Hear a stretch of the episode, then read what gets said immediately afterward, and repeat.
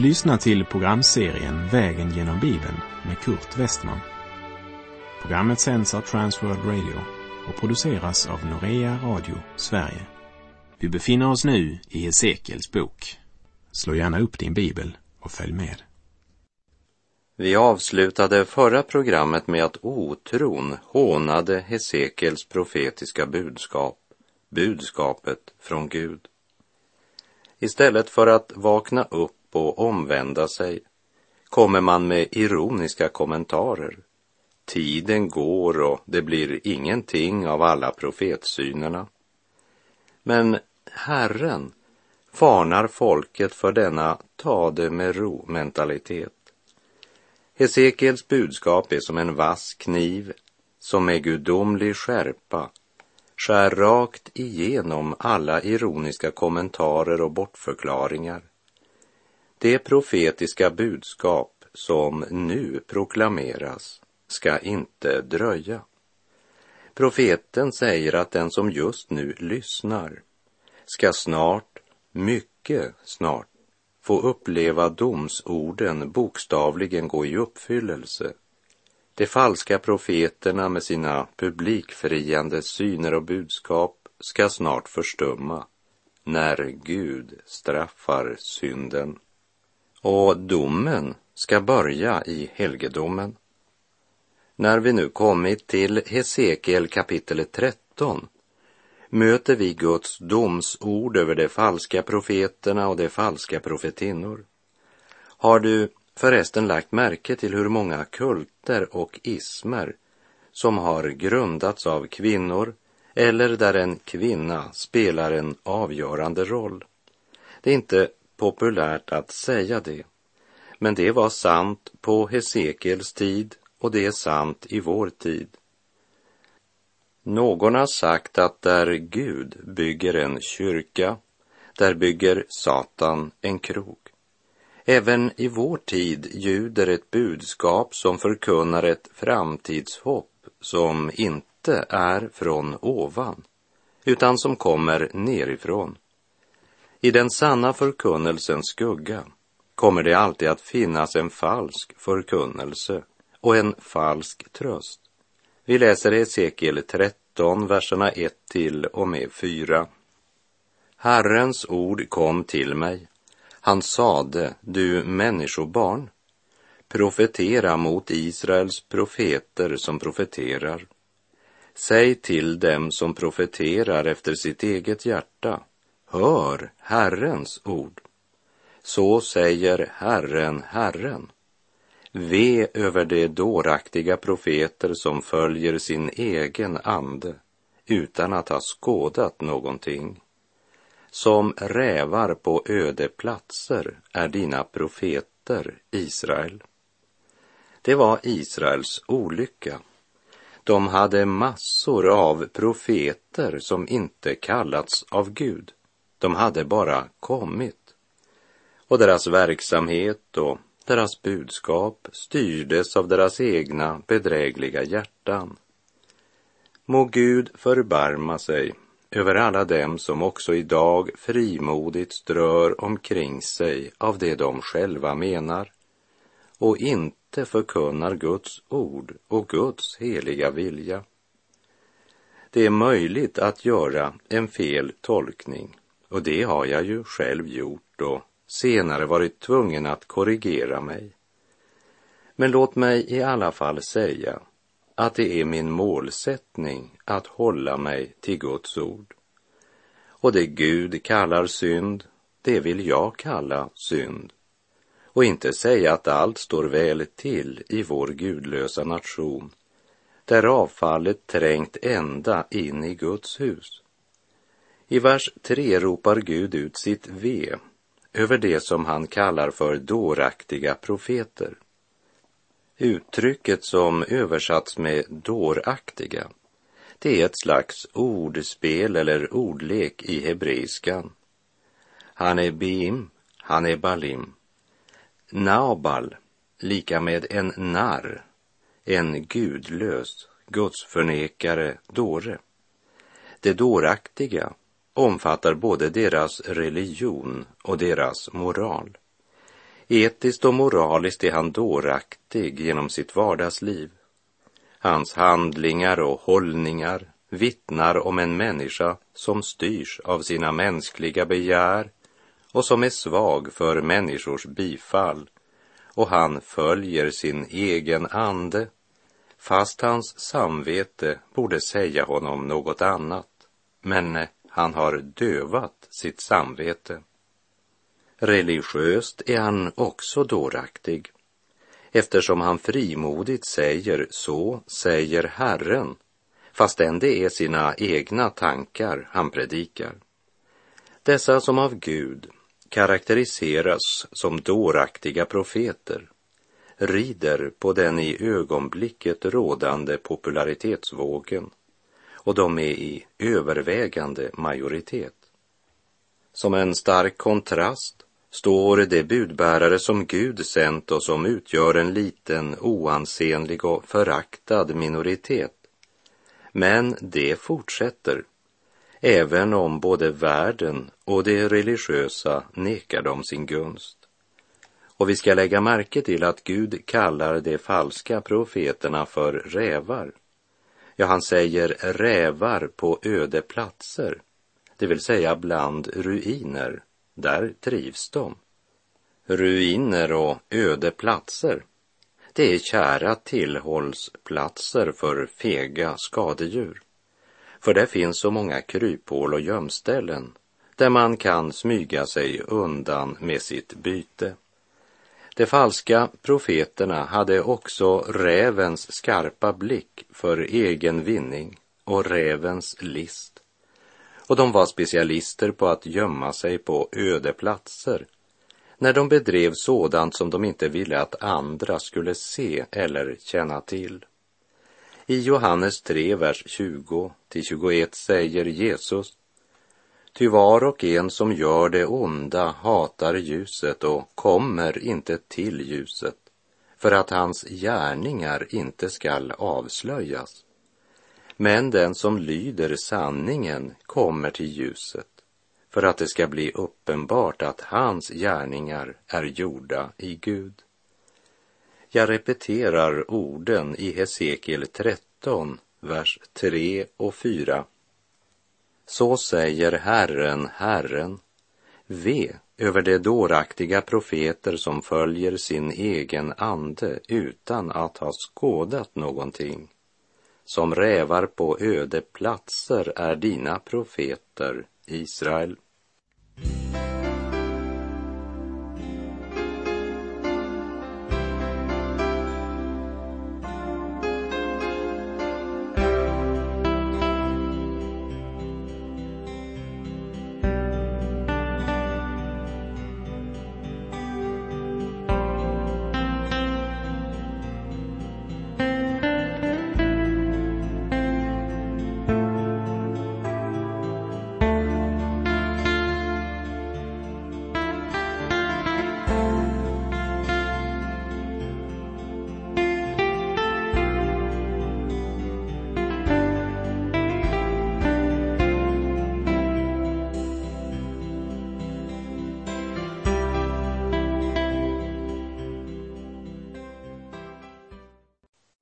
Läser Hesekiel 13, vers 5.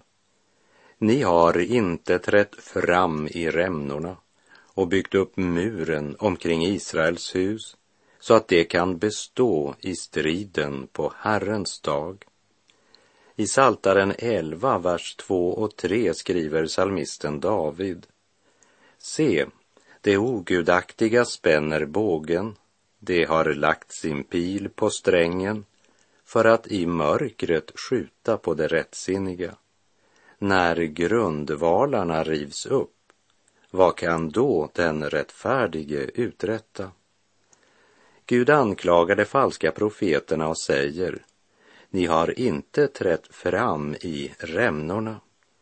Från vår vandring genom Nehemja bok minns vi att när Nehemja återvände till Jerusalem så fann han att Jerusalems murar var jämnade med marken och den nerbrutna muren och de uppbrända portarna säger oss att staden låg helt öppen och försvarslös mot alla former för fiender.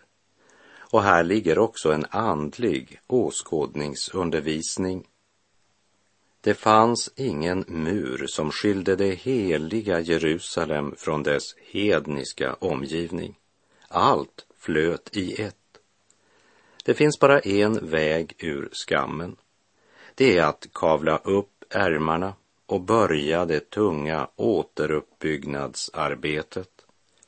Hör vad Nehemja säger i Nehemja 2, vers 17 och 18.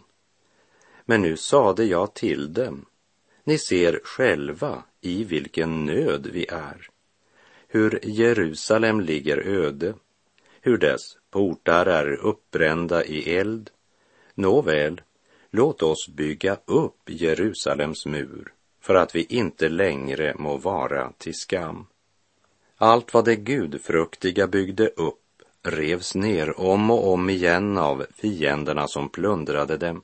De var i stor nöd och i stor vanära. Så länge Jerusalems murar var nedrivna och portarna uppbrända så kunde det inte levas ett sunt folk och församlingsliv i frid och ordning. Och det är under arbetet med att bygga upp muren som orden i Hesekiel 13.5 om att ni har inte trätt fram i rämnorna hör hemma. I Nehemja kapitel 4 berättas att när fienderna hör att man nu bygger upp igen Jerusalems mur så gaddar de sig samman för att anfalla Jerusalem och skapa förvirring där. Men då ber Nehemja och de som bygger på muren till Gud. Och så sätter de ut vakter på de platser där muren ännu inte är reparerad. Tänk, det var några som var villiga att ställa sig i rämnorna medan man byggde på Jerusalems murar. Men till de profeter som förkunnade falsk tröst på Hesekiels tid säger alltså Herren, ni har inte trätt fram i rämnorna. Ni har inte trätt fram i rämnorna och byggt upp muren omkring Israels hus så att den kan bestå i striden på Herrens dag. Vi läser Hesekiel 13.6. De har skådat lögn och falska spådomar de säger, så säger Herren. Men Herren har inte sänt dem och ändå hoppas de att deras ord skall gå i uppfyllelse. De falska profeterna lät så övertygande när de med mäktig stämma ropade ut sitt så säger Herren. Ja, de lät så övertygande att de inte bara lyckades lura folket men det verkar som om de också själva började tro på sina egna ord. Allt står väl till. De började faktiskt hoppas på att det de förkunnade skulle gå i uppfyllelse. Det är det fruktansvärt allvarliga. De bedrog inte bara folket, de bedrog sig själva. Vi läser Hesekiel 13, verserna 7 till och med 11. Var det inte falska syner ni skådade och lögnaktiga spådomar ni uttalade när ni sade så säger Herren, fastän jag inte hade talat något sådant. Därför säger Herren, Herren så, eftersom ni talar falskhet och skådar lögn, är jag emot er, säger Herren, Herren. Min hand skall drabba profeterna som skådar falskhet och spår lögn. Det skall inte få plats i mitt folks församling och inte tas upp i förteckningen över Israels hus och till Israels land skall det inte komma. Ni ska då inse att jag är Herren, Herren just därför att det leder mitt folk vilse när det säger allt står väl till, trots att allt inte står väl till. Och eftersom det, när någon bygger en mur, bestryker det den med kalk, Därför ska du säga till dessa vitkalkare att muren skall falla. Ett slagregn skall komma och ni hagelstenar, ni ska falla. Ja, stormvind skall bryta lös. Och se, när muren har fallit, ska man då inte säga till er, var är nu vitkalkningen som ni strök på?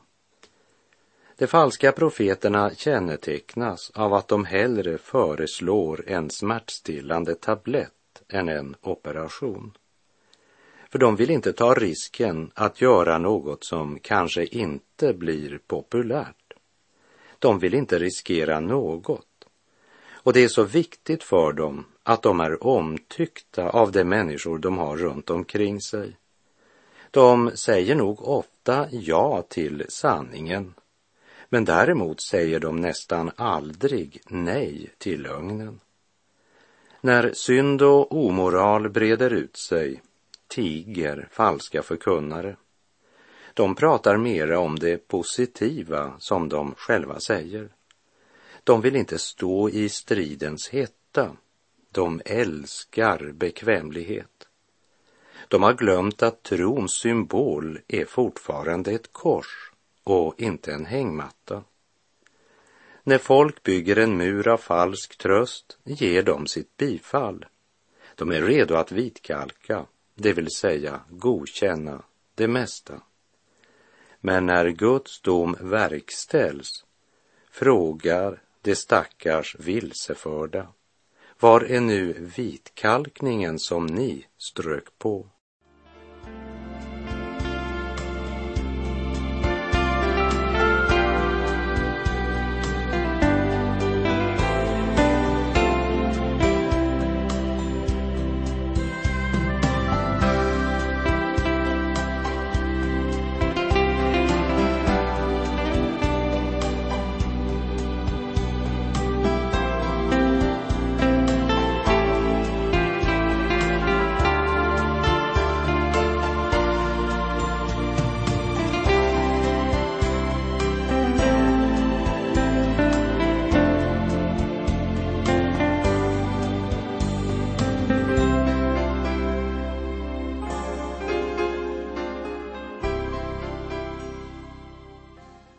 Vi läser Hesekiel 13, verserna 17 och 18.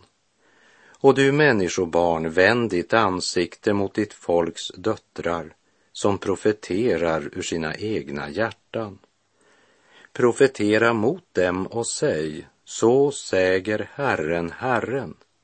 Ve de kvinnor som syr bindlar till alla handleder och gör slöjor till alla huvuden för att snärja människor. Ni vill snärja mitt folk, men behålla er själva vid liv. Det fanns alltså inte bara falska profeter, det fanns också falska profetinnor.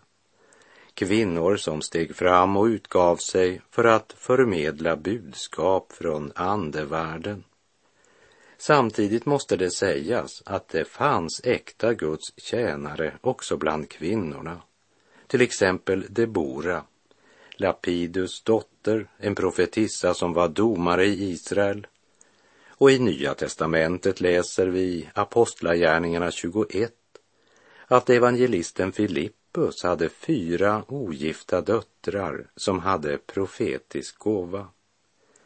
Men när det gällde Juda och Jerusalem på Hesekels tid så talar Gud om ett folk där de falska profeter och de falska profetissor var i majoritet medan de som förkunnade Guds ord nonchalerades fullständigt. Deras religion hade starkt påverkats av hedendomen, vidskepelse i Guds namn, med amuletter och armbindlar. Religionen hade blivit business. Och man utnyttjade vilseledda själar genom att erbjuda dem den tröst och hjälp som man påstod fanns i allt detta.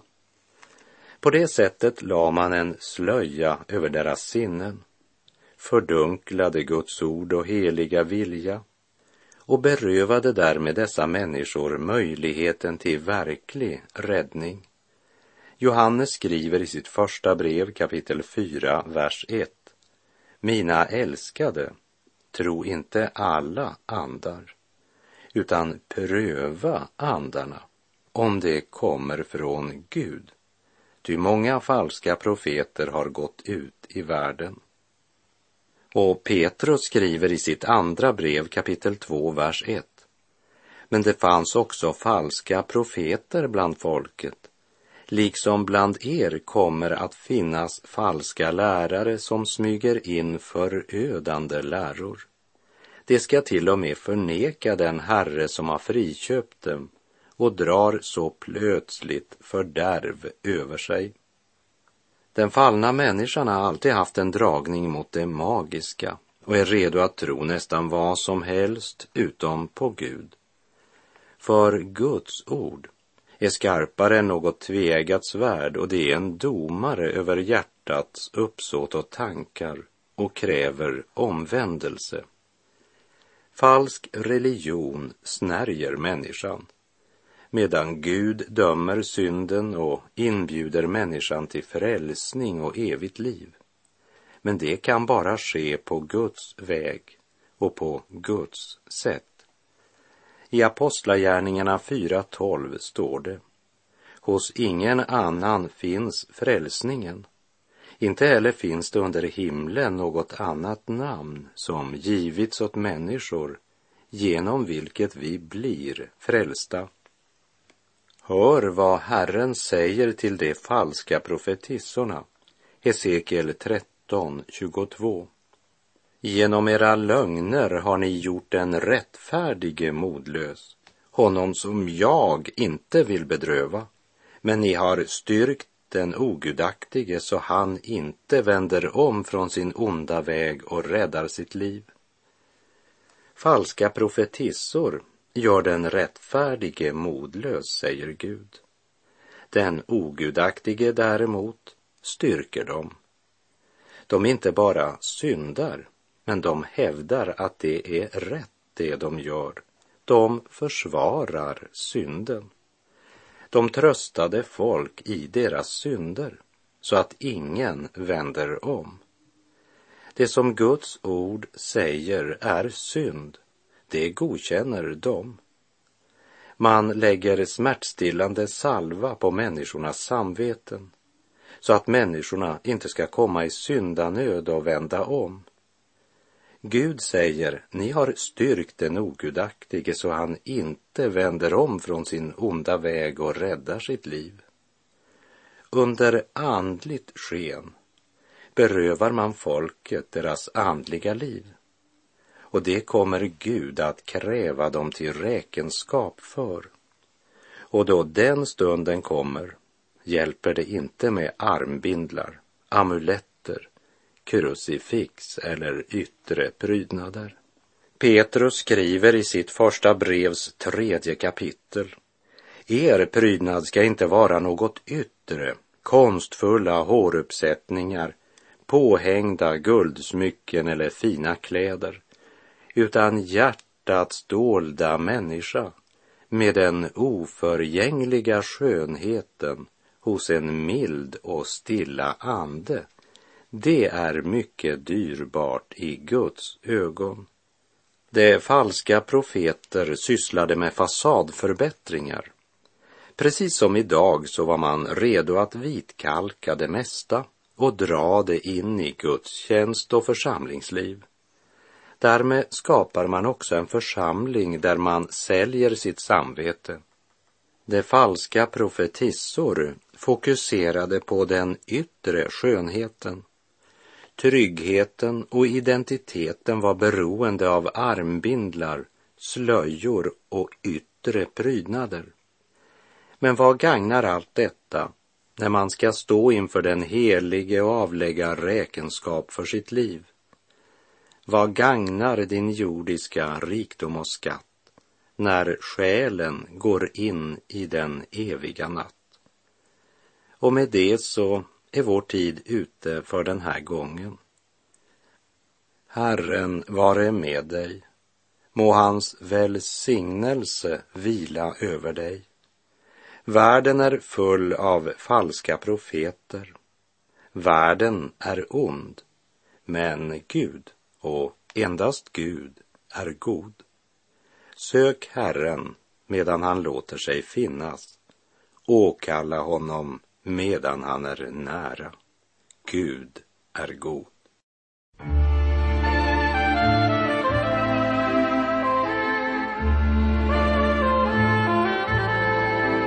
Jag ska gråtande kasta en kust som jag aldrig har sett. Jag vet ej var jag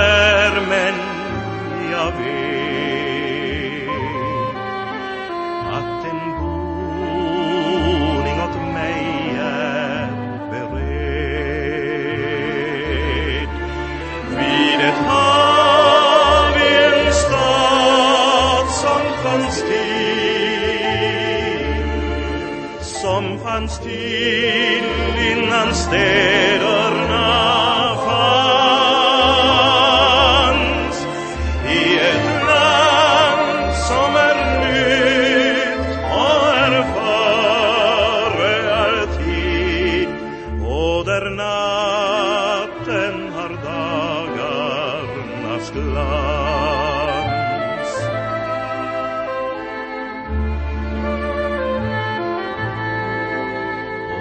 Stryker från pannan min sorg. I en värld som har vaknat just nu. Och jag vintrarnas kyla har glömt. I en sommar som aldrig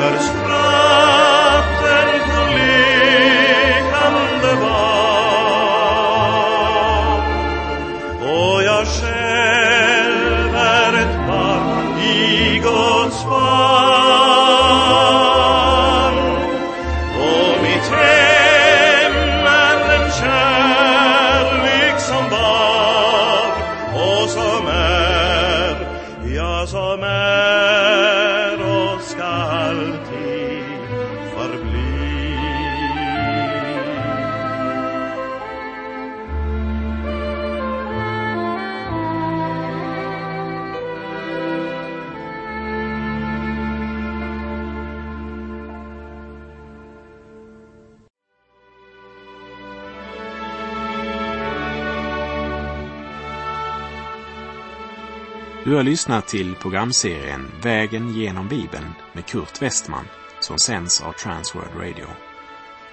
Programserien är producerad av Norea Radio Sverige. Om du önskar mer information om vårt radiomissionsarbete så skriv till Norea Radio Sverige, box 3419 103 68 Stockholm.